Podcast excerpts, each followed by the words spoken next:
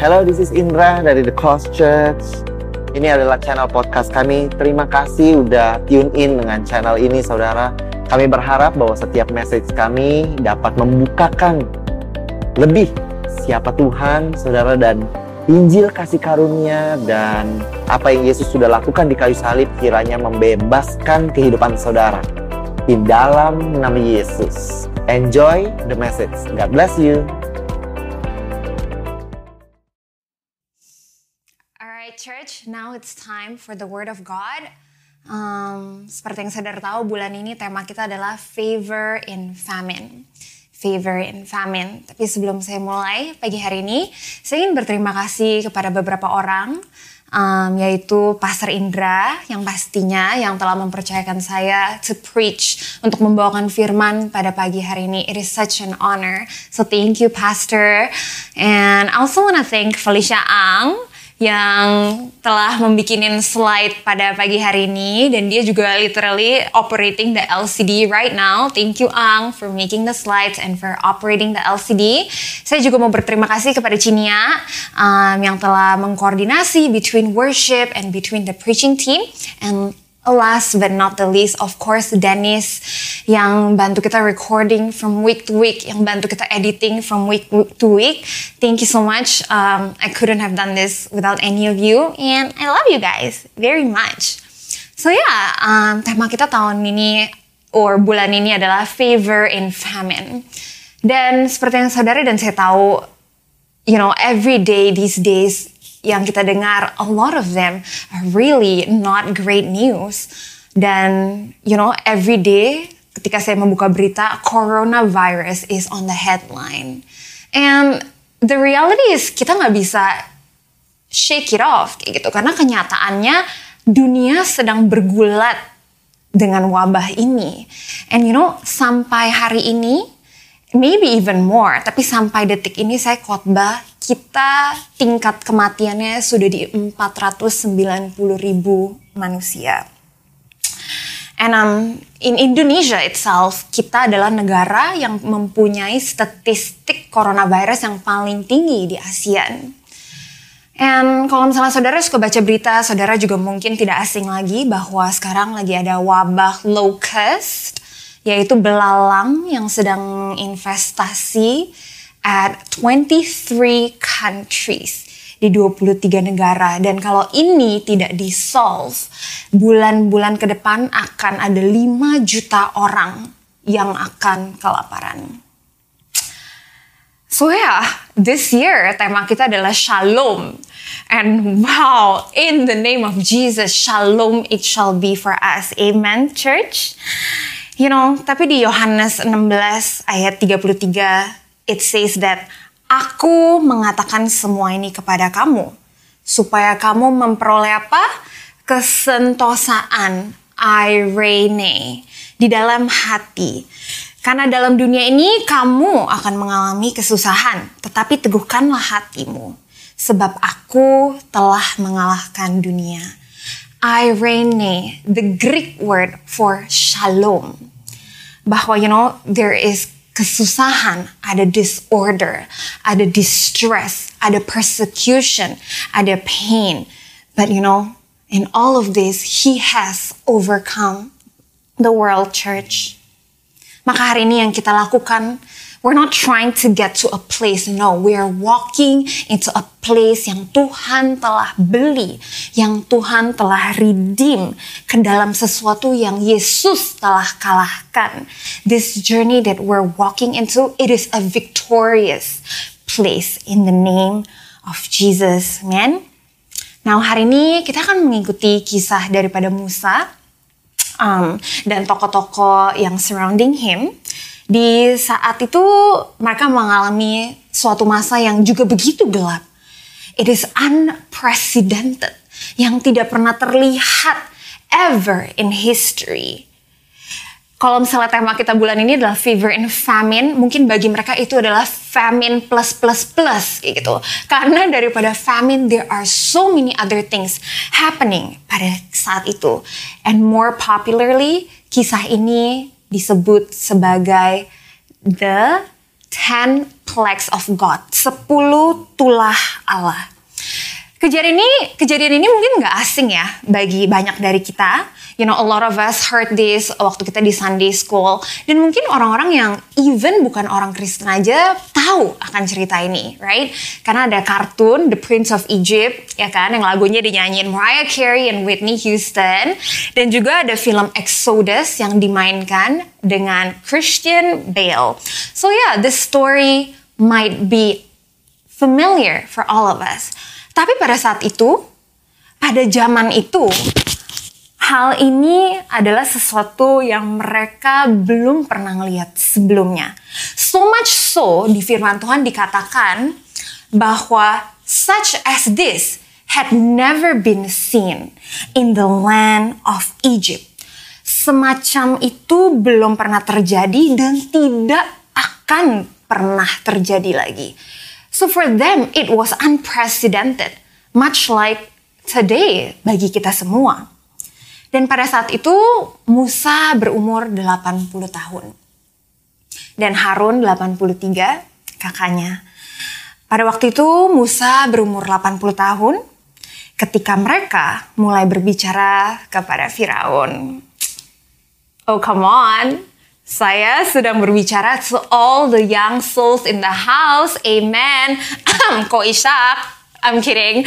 Tapi ya, come on guys, you are never too old. Engkau tidak terlalu tua untuk berdampak di dalam the kingdom that God has prepared in this world. Amen. Dan inilah yang Musa dan Harun sampaikan kepada Firaun.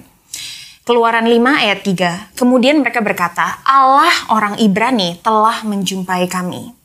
Kami mohon izinkanlah kami pergi sejauh tiga hari perjalanan ke padang belantara untuk mempersembahkan kurban kepada Tuhan Allah kami supaya dia tidak menimpahkan wabah penyakit maupun pedang atas kami. Saudara, untuk mereka bisa sampai di hari ini aja, kalau misalnya saudara baca dari keluaran 3, it is not an easy journey. Tuhan berbicara kepada Musa, lalu Musa sedikit intimidated dan bilang kenapa Tuhan tidak kirim orang lain saja. Lalu Harun pun dimasukkan ke dalam plan ini dan mereka pun berlatihan untuk kata-kata yang harus diutarakan, tapi juga tetap agak sedikit doubtful. Maka Tuhan memberi tunjuk mujizat mujizat kepada Musa di mana air menjadi darah, di mana tangan dia yang tadinya masukin ke dalam jubah menjadi kusta, masukin lagi sembuh total dan tongkatnya pun yang tadinya jadi ular ketika dipegang ekornya berubah balik lagi menjadi tongkat.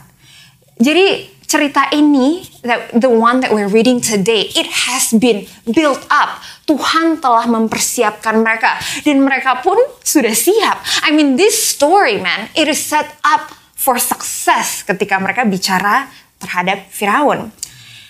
Tapi di firman Tuhan inilah yang tercatat dan inilah reaksi Firaun. Firaun berkata, "Lihat, orang-orang itu, orang-orang kalian, orang-orang Ibrani ini sudah terlalu banyak di tanah ini.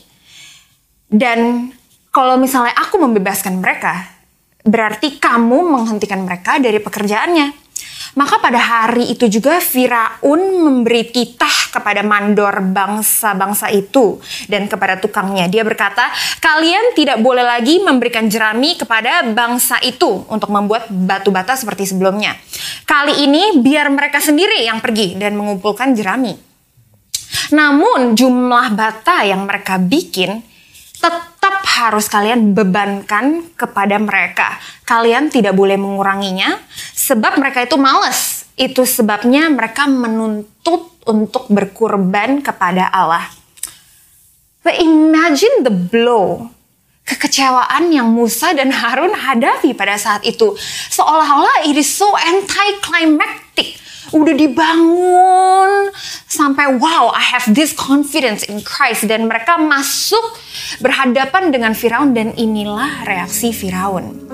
Dan Firaun nggak cuma tidak mengizinkan orang Israel ini untuk tidak berkorban, dia malah menambahkan beban mereka.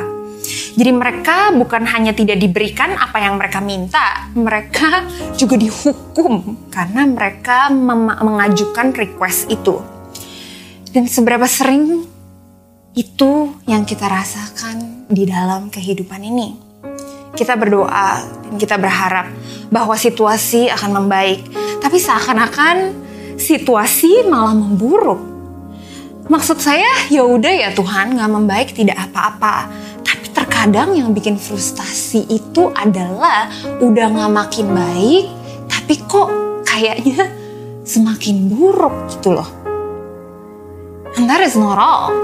Firman Tuhan pun mencatat bahwa setelah itu mandor Firaun memukuli para kepala tukang dari keturunan Israel karena mereka tidak memenuhi tuntutan dari pekerjaan mereka. Jadi mereka tersiksa bukan hanya karena bebannya bertambah, tapi on top of that mereka tersiksa karena ada hukuman yang menunggu mereka apabila pekerjaan itu tidak selesai.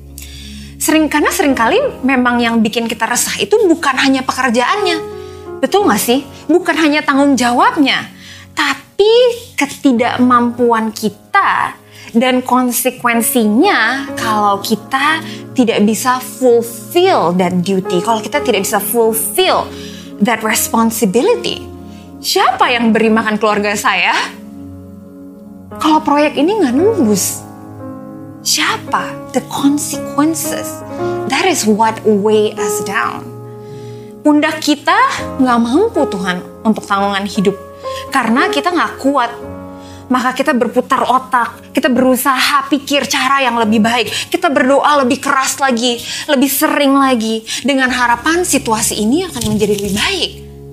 Tapi kenyataannya yang kita lihat dengan mata kepala kita sendiri, seakan-akan everything is becoming worse, God. Lalu mandor-mandor Israel ini pun pergi dan menjumpai Firaun karena mereka tidak tahan.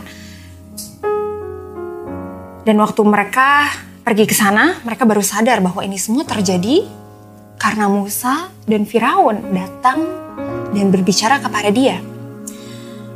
Dan di keluaran tercatat mah waktu mereka meninggalkan Firaun, waktu mandor-mandor ini meninggalkan Firaun, mereka berjumpa dengan Musa dan Harun yang sedang menantikan mereka.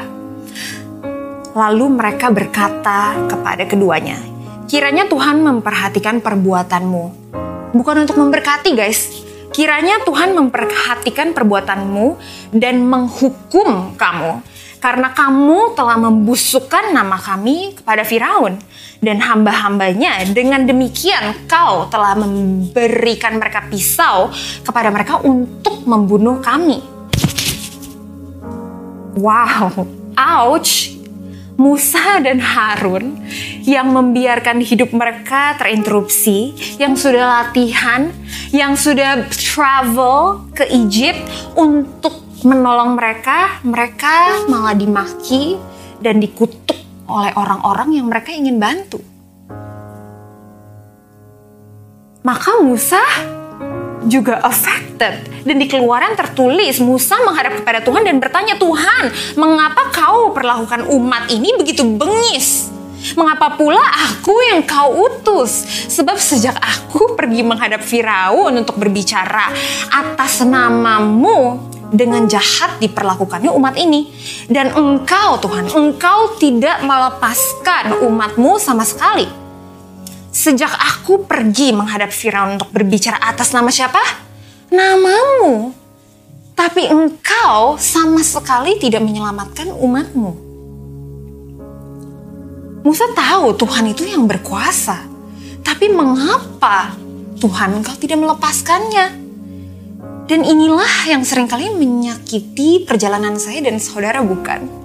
Justru karena kita tahu bahwa Tuhan itu mampu dan katanya Tuhan itu mau.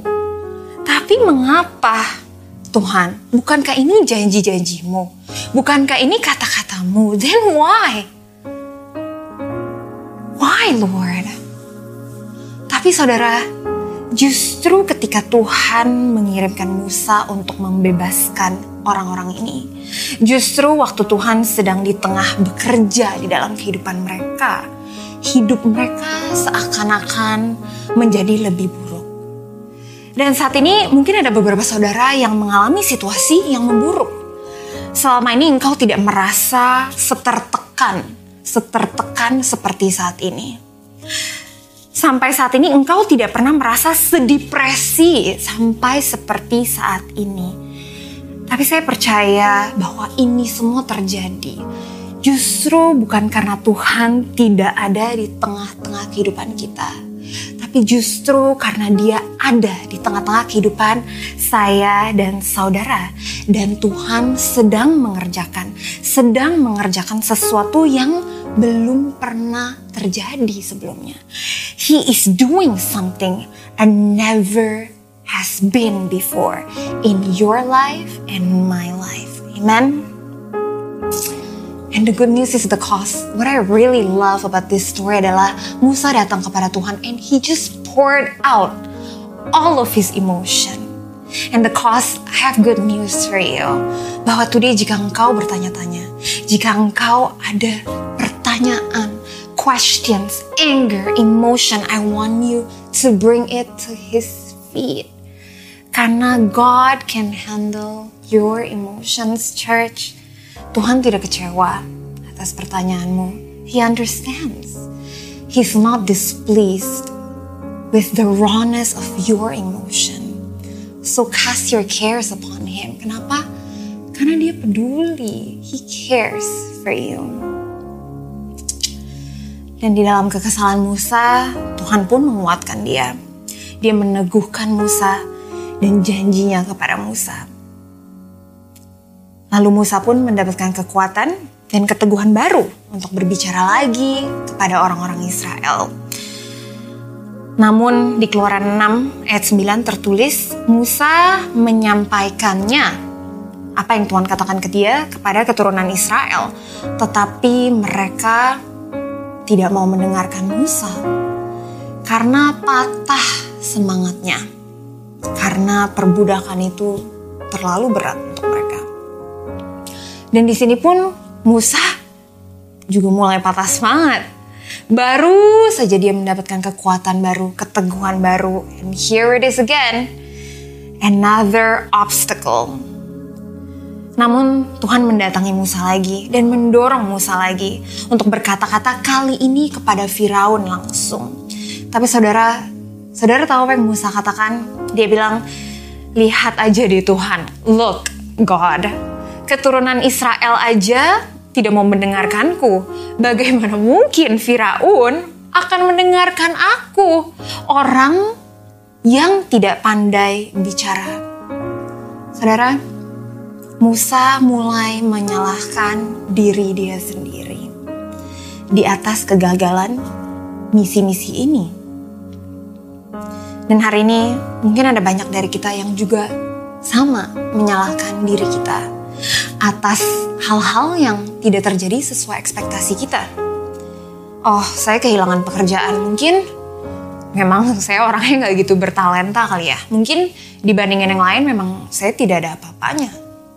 Oh, hubungan saya berakhir ya mungkin ya mungkin karena saya kurang baik ya waktu itu. Ya mungkin wanita ini, mungkin pria ini bisa bisa lebih baik daripada saya. Tuhan tahu tapi saudara, this is the kindness of God. Bahwa at that moment waktu Musa bilang seperti itu, Tuhan lagi-lagi membawa Harun into the picture. Dia berbicara kepada Musa dan Harun di ayat 13 berkata mengenai keturunan Israel dan Firaun dan segalanya. Tuhan melibatkan Harun lagi agar Musa merasa terbantu di dalam panggilannya.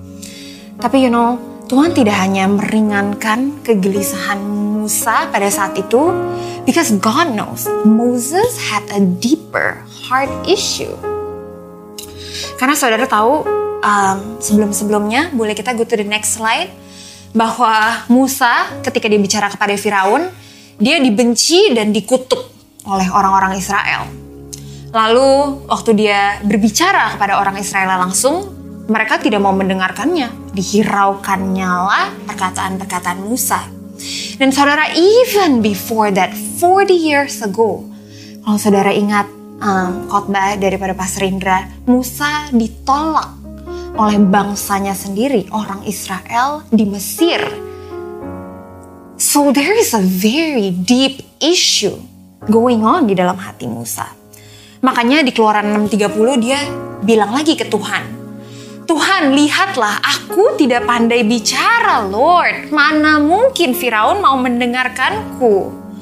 Tapi Saudara, you know what God answered to Moses? Dia bilang, kamu harus menyampaikan semua yang kuperintahkan kepadamu. Dan kakakmu Harun akan yang mengatakannya kepada Firaun agar dia melepaskan bangsa Israel keluar dari negerinya. Seolah-olah Musa, engkau tidak perlu khawatir. Harun akan ada bersamamu juga. Tapi kebaikan Tuhan nggak sampai situ doang. Tuhan lanjut, dia bilang, namun aku Aku, Tuhan bilang, yang akan mengeraskan hati Firaun dan melipat gandakan tanda-tandaku di tanah Mesir. Dan Tuhan repeated, dia bilang, Firaun tidak akan mendengarkanmu. Sebab itu aku akan meletakkan tanganku di atas Mesir dan keturunan-keturunan Mesir dengan hukuman-hukuman yang berat. Tuhan bukakan kepada Musa bahwa Firaun hatinya akan mengeras. Firaun akan tidak mendengar. Bukan karena Musa tidak pandai bicara, no. Tapi karena hati Firaun yang akan keras. Why? Because God does not want Moses to blame himself. Tuhan tidak ingin Musa menghubungkan hasil negosiasi ini dengan ketidakpandaian dia untuk bicara. Sebab seperti yang saudara dan saya tahu, Sampai tulah ke-9 pun Firaun tidak melepaskan orang-orang Israel itu. And kalau misalnya Musa tidak tahu the the truth behind this, dia akan terus dan terus menyalahkan diri dia sendiri. And saudara, because of the kindness of God yang corrected Moses punya wrong belief, Musa yang menulis kitab keluaran pun mencatat sendiri. Dia bilang demikian diperbuat Musa dan Harun. Dia catat sendiri. Seperti yang diperintahkan Tuhan kepada mereka, demikianlah diperbuat mereka. Namun, di ayat 13, dia tulis, hati Firaun dikeraskan sehingga dia tidak mau mendengarkan mereka seperti apa karena apa? Bukan karena dia tidak pandai bicara, tapi karena itulah yang Tuhan telah firmankan. God needed Moses to know bahwa God is the one yang memegang the bigger picture. Dan sering kali saudara waktu sesuatu dalam kehidupan kita tidak sesuai dengan ekspektasi kita, our first reaction itu mencari something or someone to blame baik itu orang lain, tapi sering kali that person that is blame is me, is ourselves. Dan sebagai manusia, tentunya kita mempunyai kekurangan ya guys, we do. Dan tentunya kita jauh lah dari kesempurnaan. But, you know church, there's no real solution in blaming yourself.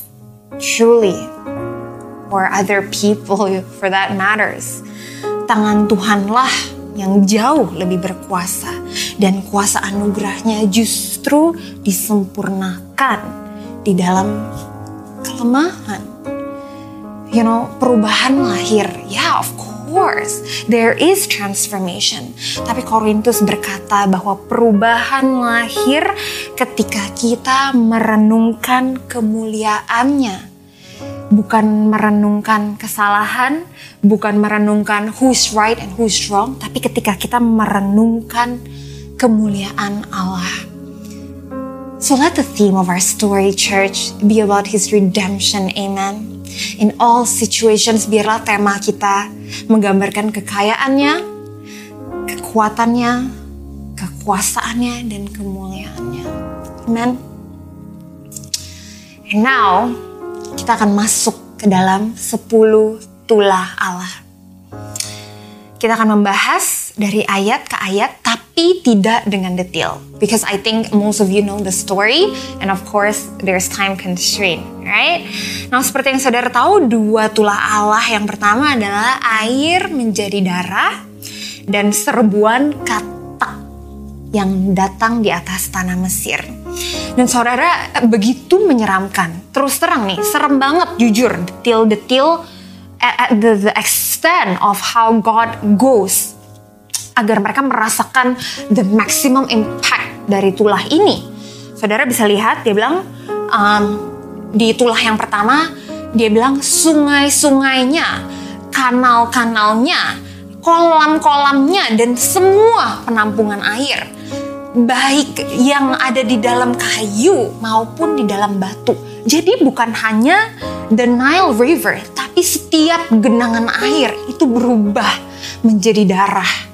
And similarly di tulah yang kedua pun serem banget. Masuk ke istanamu, ran, istanamu dan ranjangmu dan ke rumah hamba hamba hambamu dan rakyatmu sampai pemanggang roti guys kodok ini akan masuk dan dalam loyang-loyang adonanmu. All of their staple equipment is infested dengan kata. Sampai ke dalam-dalamnya Tuhan cari dan tidak ada satupun yang terlewatkan. Dan itulah kedua, pertama dan kedua ini, saudara, um, tertulis bahwa Mesir itu punya ahli sihir dan mereka punya kemampuan untuk menduplikasikan tulah ini. Tercatat bahwa para ahli ilmu gaib Mesir ini melakukan juga dengan mantra-mantra rahasianya. Tapi saudara yang menarik adalah next slide bahwa mereka bisa membuat tulah yang mirip seperti yang Tuhan bikin, tapi mereka tidak bisa remove the plague karena di sini tercatat bahwa semua orang Mesir mulai ngapain? Mulai menggali untuk mencari source of water, air minum yang baru. Karena mereka nggak bisa minum dari air yang sebelumnya. Berarti ahli sihir itu tidak mampu untuk reverse the plague. And similarly di yang kata, Firaun memanggil Musa dan Harun dan berkata, berdoalah please, supaya Tuhan menjauhkan kata-kata ini dariku. Jadi para penyihir ini bisa menyulapkan katak, but they cannot remove it. Only God, hanya Tuhanlah yang bisa menyelesaikan ini semua dengan complete. God is the name above all names indeed. You know, generasi kita, we're so obsessed dengan psychology dan astrology these days Come on, my millennial sisters and brothers. Dan memang benar, hal-hal tersebut bisa membantu kita untuk menjelaskan begitu banyak hal. It's true, it's true. Tapi di luar daripada menjelaskan, really, I mean, they don't really hold true power, guys. You and me, kita adalah milik daripada sang pencipta dari psikologi dan astrologi dan kita ditempatkan jauh lebih tinggi di atas itu. Come on. Amen. You know, psikologi boleh bilang engkau adalah seorang pribadi yang gampang marah, but I believe in the name of Jesus. I declare bahwa engkau akan menjadi orang yang lembut hatinya astrologi bisa bilang engkau adalah orang yang hanya mau dicari orang lain, nggak mau cari orang lain. But I declare in the name of Jesus bahwa you will be the fisher of men. Engkau akan menjadi pembawa Injil bagi orang-orang yang patah hatinya. Now we move on to the third plague, yaitu nyamuk. Bahwa Harun mengulurkan tangannya dan setiap partikel debu di tanah pun menjadi nyamuk. Uh, serem. Setiap butiran debu menjadi nyamuk. Menyeramkan jujur karena saya benci banget sama nyamuk terus terang. Tapi pada saat ini ada yang berbeda teman-teman. Dan yang berbeda itu adalah para ahli itu pun mencoba membuat demikian tetapi mereka tidak dapat. At this point, ahli ilmu gaib itu pun tidak bisa melakukan apa yang Tuhan lakukan di tanah itu. Dan seperti yang Pastor Indra pernah khotbahkan, it is truly the inspiration for this sermon, to be honest. Uh, kalau saudara mau nonton judulnya I Am That I Am. And truly Tuhan kita is the name above every name. Amen. Every virus, every bodily sickness, every mental condition, every problem, and even every blessing, friends. He is the name above all of those. Amen. Alright, let's move on ke move on ke tulah keempat yaitu lalat. Agak sedikit panas ya, tapi tidak apa-apa. Alright, now the fourth plague yaitu lalat. Um, di Keluaran 8 tercatat jutaan lalat masuk ke dalam rumah Firaun dan ke rumah para pejabatnya. Lalat-lalat itu lagi-lagi menyeramkan, memenuhi seluruh Mesir dan merusak. Lalat bisa merusak benar-benar sesuatu sih. Merusak negeri itu. Imagine the volume untuk lalat merusak seluruh negeri itu. Tapi kali ini ada sesuatu lagi yang beda saudara. Di keluaran 8 ayat 22 tercatat namun pada hari itu Tuhan berfirman, aku akan mengecualikan tanah Goshen tempat di mana umatku tinggal sehingga tidak akan ada satu ekor lalat pun di sana. Dengan demikian engkau akan tahu bahwa aku Tuhan ada di tengah-tengah negeri ini. That I am above all of your gods on this land. Tapi saudara, namun pada hari itu, berarti sebelum tulah yang keempat, orang-orang Israel juga mengalami tiga tulah sebelumnya. Mereka juga melihat itu di tempat mereka tinggal, saudara. Nah, ada beberapa komentari mengenai mengapa tulah itu juga bisa terjadi di tanah Goshen, tapi yang jelas Tuhan membiarkan itu terjadi bukan untuk menghakimi mereka, karena itu jelas ada di firman, tapi saya percaya agar orang Israel juga witness dan mereka pun dilepaskan dari cengkeraman Musir fully, nggak cuman bodily, tapi secara mental maupun rohania mereka dibebaskan. Dan sama seperti orang Israel pada zaman itu saudara, you know hari ini kita mendengar, kita melihat begitu banyak bad news, but you know Psalms 91 berkata seribu orang akan rebah di sisimu, sepuluh ribu mungkin di kananmu, tetapi itu tidak akan mendekatimu, itu tidak akan menyentuhmu. And I receive this church for myself and for you, bahwa seribu orang bisa jatuh di sisimu sepuluh ribu di tangan kananmu, bahwa mereka terasa sangat dekat daripadamu, tapi penyakit maupun penghancuran tidak akan dapat menyentuhmu, because God is your protector. In the name of Jesus. Lalu di tulah 5 dan 6, moving on, detailnya benar-benar agak menyeramkan ya dia bilang di tulah lima di mana kematian livestock tercatat bahwa Lihatlah, tangan Tuhan akan datang dengan wabah penyakit yang sangat berat atas ternakmu, atas kuda, atas keledai, atas unta, atas sapi, atas domba. Segala ternak tidak ada yang lolos dari wabah penyakit ini. And similarly, untuk tulah keenam, yaitu bisul. Bisul yang pecah bernanah itu pecah bernanah bukan hanya di manusia saudara, tapi juga di binatang.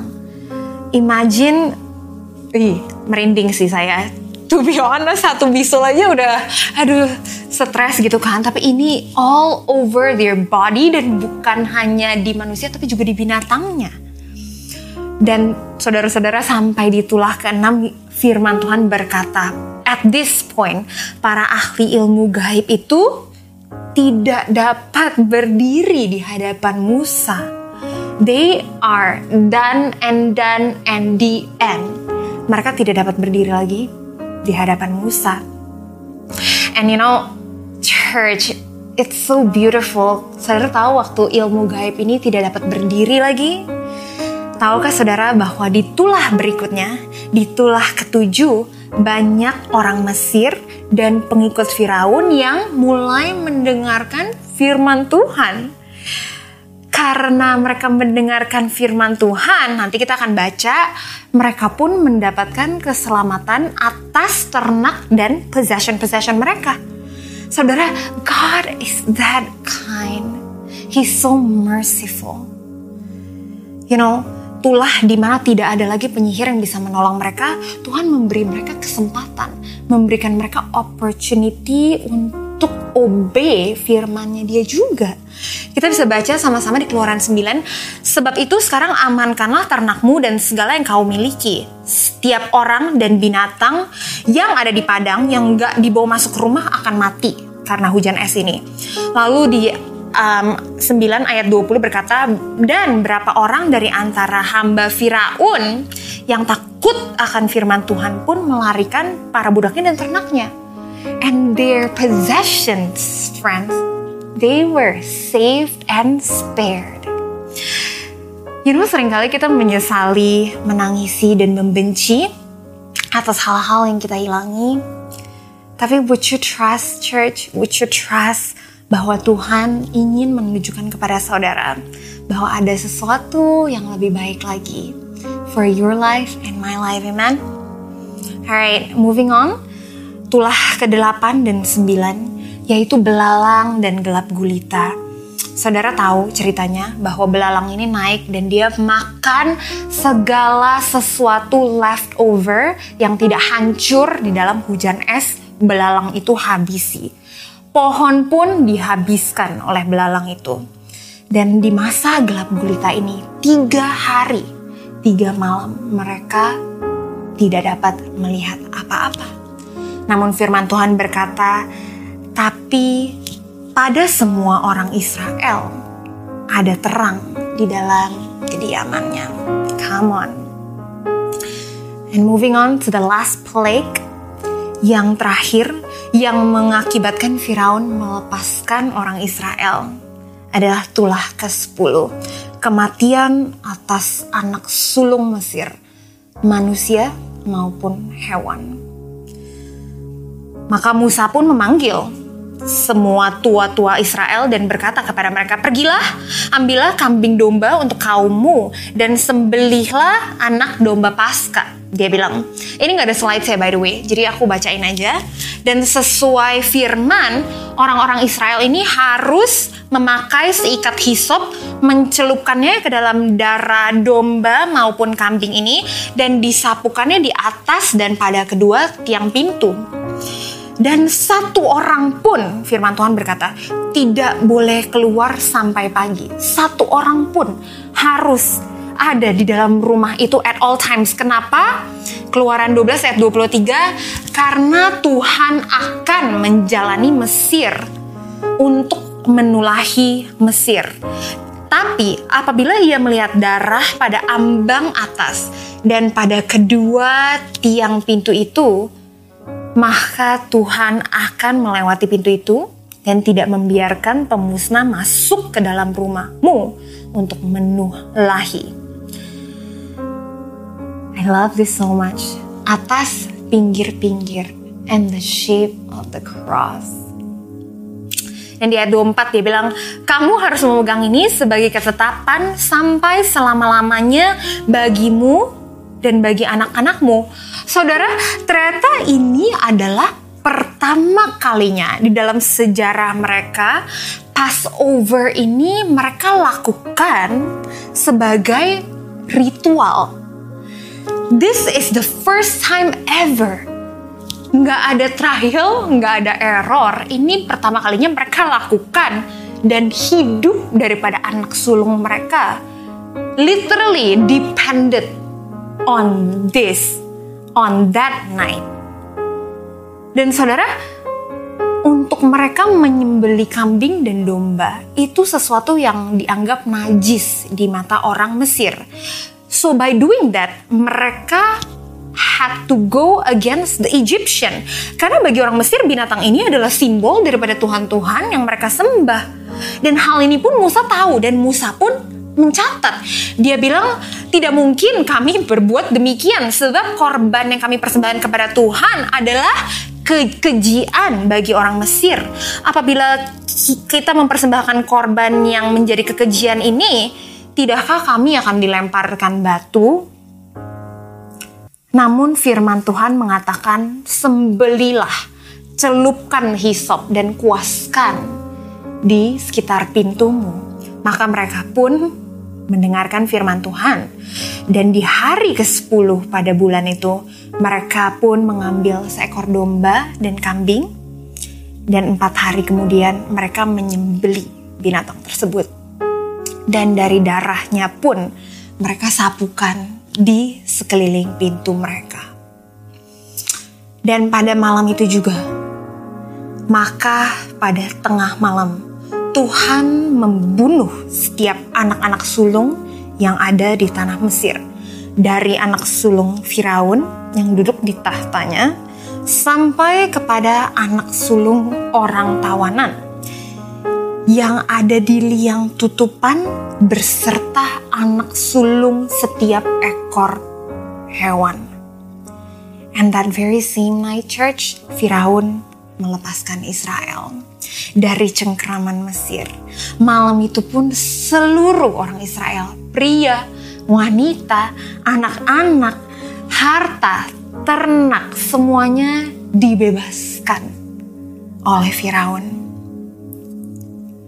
Tapi church, as great as Moses and Aaron was, being an extension daripada rencana ini, Sesungguhnya cerita ini begitu menggambarkan hati Tuhan untuk Israel pada zaman itu dan juga untuk saya dan saudara bahwa He is a God yang akan selalu menolong engkau dan saya. You know, Tuhan menyelamatkan orang Israel bukan hanya dari status, not in the physical only, tapi Tuhan juga menyelamatkan mereka dari mentalitas perbudakan mereka. You know, and today I think God wants to rescue you. I believe bukan dari perkara yang sedang terjadi di luar sana, tapi juga perkara yang sedang terjadi di sini dan di sini. You know, today waktu kita baca cerita tentang Passover ini, kita merayakannya sama-sama, right? Kita baru merayakannya April kemarin, dan kita turut bersuka cita dalam kisah ini. Kenapa? Karena kita tahu bahwa orang Israel itu melambangkan kita semua, children of God. Dan darahnya yang di pintu itu melambangkan Yesus Kristus. In the shape of the cross was that blood smeared oleh darahnya engkau dan saya dibenarkan sekali untuk selama-lamanya. Maka itu dia pasti church, pasti and surely dia akan menyelamatkan kita dari maut and from the fruits of death itself. Dari penyakit maupun penghukuman dia akan menyelamatkan kita. You know saudara, waktu Passover itu terjadi, it was a very dark times. Itu adalah masa yang begitu menyeramkan bagi orang-orang Mesir. Tapi bagi orang Israel, tulah-tulah itu menjadi simbol daripada kebebasan mereka. You know, for the Egyptian, it was a season of loss.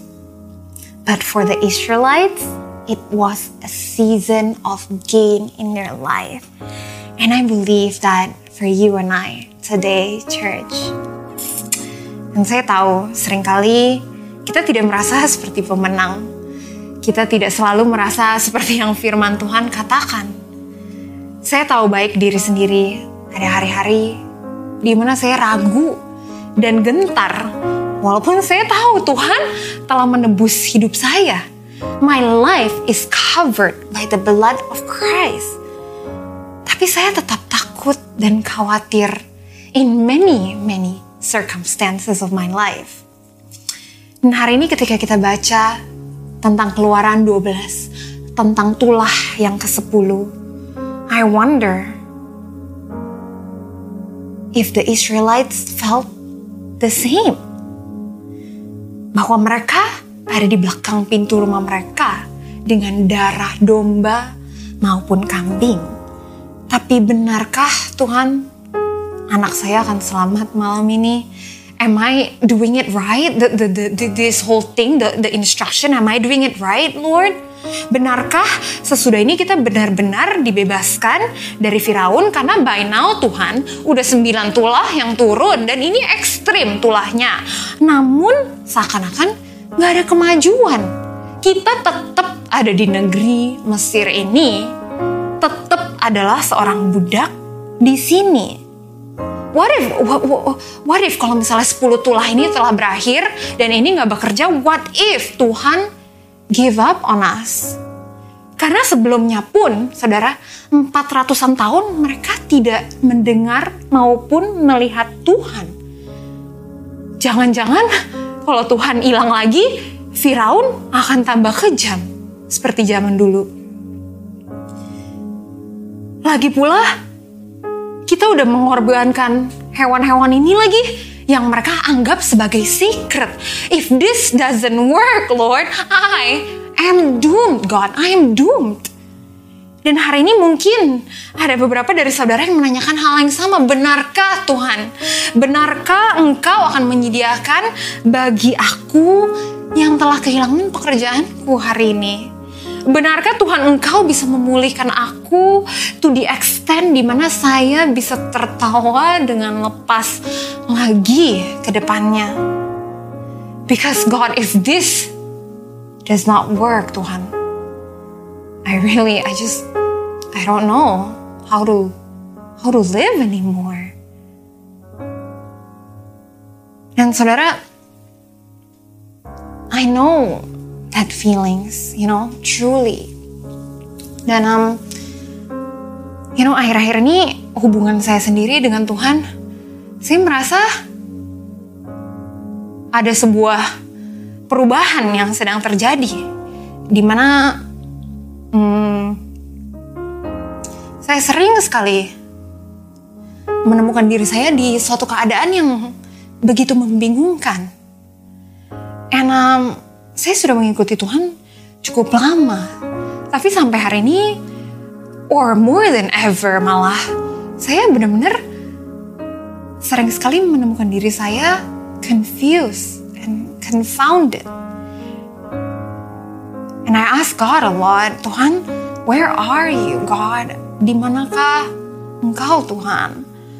Dan justru di bagian hidup-hidup saya, di mana saya yang benar-benar paling membutuhkan jawaban Tuhan di pilar itu, justru di sana seakan-akan nggak ada jawaban. Dan salah satunya yang bikin saya terpukul, kalau saya boleh jujur, adalah you know di gereja saya menjalankan journey hidup ini dengan orang-orang sekitar saya, you know. And many times kita berdoa untuk orang lain. Many times kita percaya untuk penerobosan teman-teman kita yang kita doakan, um, um, the people yang we lead, our community. Dan sering kali kita berdoa bareng bersama mereka. Kita percaya bareng untuk terobosan-terobosan yang mereka sedang percayai. And um, a lot of times when that happens in their life, I am really, genuinely very happy gitu. Saya benar-benar turut bersuka cita atas penerobosan-penerobosan teman-teman saya dan orang-orang sekitar saya. I am. Tapi kalau saya boleh jujur, saya sering bertanya balik kepada Tuhan, but But what about me? God. Dan minggu lalu saya mengikuti uh, sebuah retret dari gereja MCC Singapore, which we really really love. Dan you know setiap sesi berakhir akan ada seorang pastor biasanya yang akan naik dan dia akan mendoakan para hadirin retret yang ada pada sesi itu. Tapi sering kali dia akan menonjolkan beberapa doa yang Tuhan taruh di dalam hati dia. Dia akan call out specific prayers to specific people yang dia merasa benar-benar membutuhkan itu. And I remember that night uh, waktu saya duduk in this living room and lampunya gelap sekali and waktu saya menonton itu deep down I really pray to God gitu. Saya berdoa Tuhan I was just praying in my heart for Pastor Dan to just call out the prayer yang saya ada di dalam hati saya. And deep down, I really, I just want Pastor Dan to just say something. Karena saya ingin tahu gitu for myself that God, you still remember me. Tapi the cost, you know, that night, Pastor Dan nggak memanggil my specific prayer out. No, he did not. Tapi malam itu juga, you know guys, saya tetap menerima sebuah pemulihan. Saudara tahu dari mana? Dari worship yang selesai at the end of the sermon. And that night, I really felt like God touched my heart. And there was healing yang terjadi pada malam itu. Dan um, saudara hari ini saya mempunyai sebuah hak yang begitu istimewa. Saya bisa duduk di sini dan membagikan firman Tuhan kepada saudara. And um, I want to take this opportunity really to encourage you pada hari ini church bahwa seperti orang Israel yang ada di dalam rumah mereka masing-masing dengan darahnya yang melindungi begitupun hidup saya dan hidup saudara we are covered kita diselimuti oleh darah Yesus Kristus saudara you know bagi orang Israel ini semua terjadi dalam jangka waktu satu bulan satu bulan aja ini semua terjadi. Kira-kira according to theologians. Tapi saudara tahu nggak rencana keselamatan ini terjadi jauh lebih daripada satu bulan yang mereka alami. Saudara, at the beginning of this sermon, kita belajar bahwa Musa dan Harun mulai berbicara kepada Firaun waktu mereka umur 80 dan 83. Tapi ternyata saudara, ini semua dimulai not even waktu Musa berumur 40 tahun dan dia ditolak oleh bangsanya sendiri. Tapi saudara, dari semenjak Musa lahir di dalam muka bumi ini.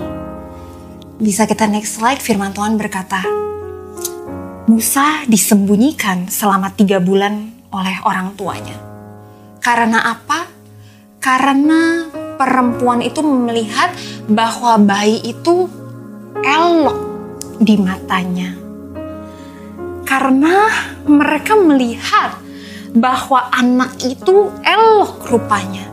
Di the NLT translation it says they saw that God had given them an unusual child and they were not afraid to disobey the king's command.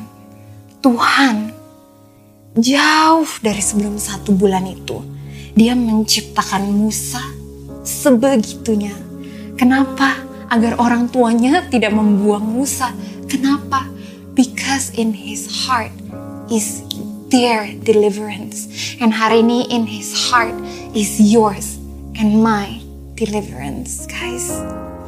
Because Tuhan telah merencanakan pemulihanmu. Tuhan telah merencanakan pertolonganmu. Tuhan telah merencanakan penyediaanmu, kehidupanmu. Bahkan jauh, jauh dari sebelum engkau dan saya ada di muka bumi ini. Dan saya berdoa hari ini, really ada kesembuhan yang terjadi. There's going to be healing in your bodies, I pray. There's going to be healing in your mind and in your heart. Because you know why? God loves you so much that He sent Moses. And God loves you so much that He sent Christ to seal you sekali untuk selama-lamanya. Dia mengasihi engkau jauh lebih dari yang saudara dan saya bisa bayangkan, lebih indah, lebih tinggi, dan lebih dalam. And I hope that you receive that today in the name of Jesus. Amen.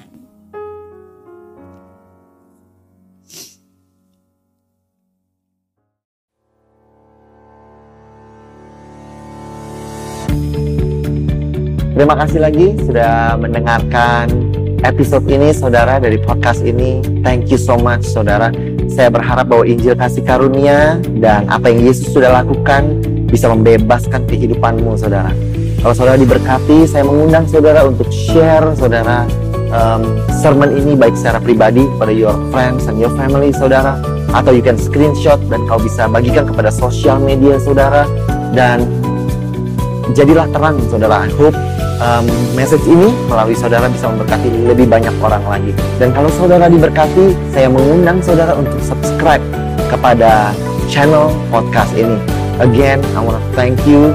Berterima kasih kalau saudara mendengarkan dan mengizinkan dirimu diberkati dari apa yang kami lakukan. Terima kasih Tuhan berkati. God bless you and bless you and bless you again. In Jesus name. Amen.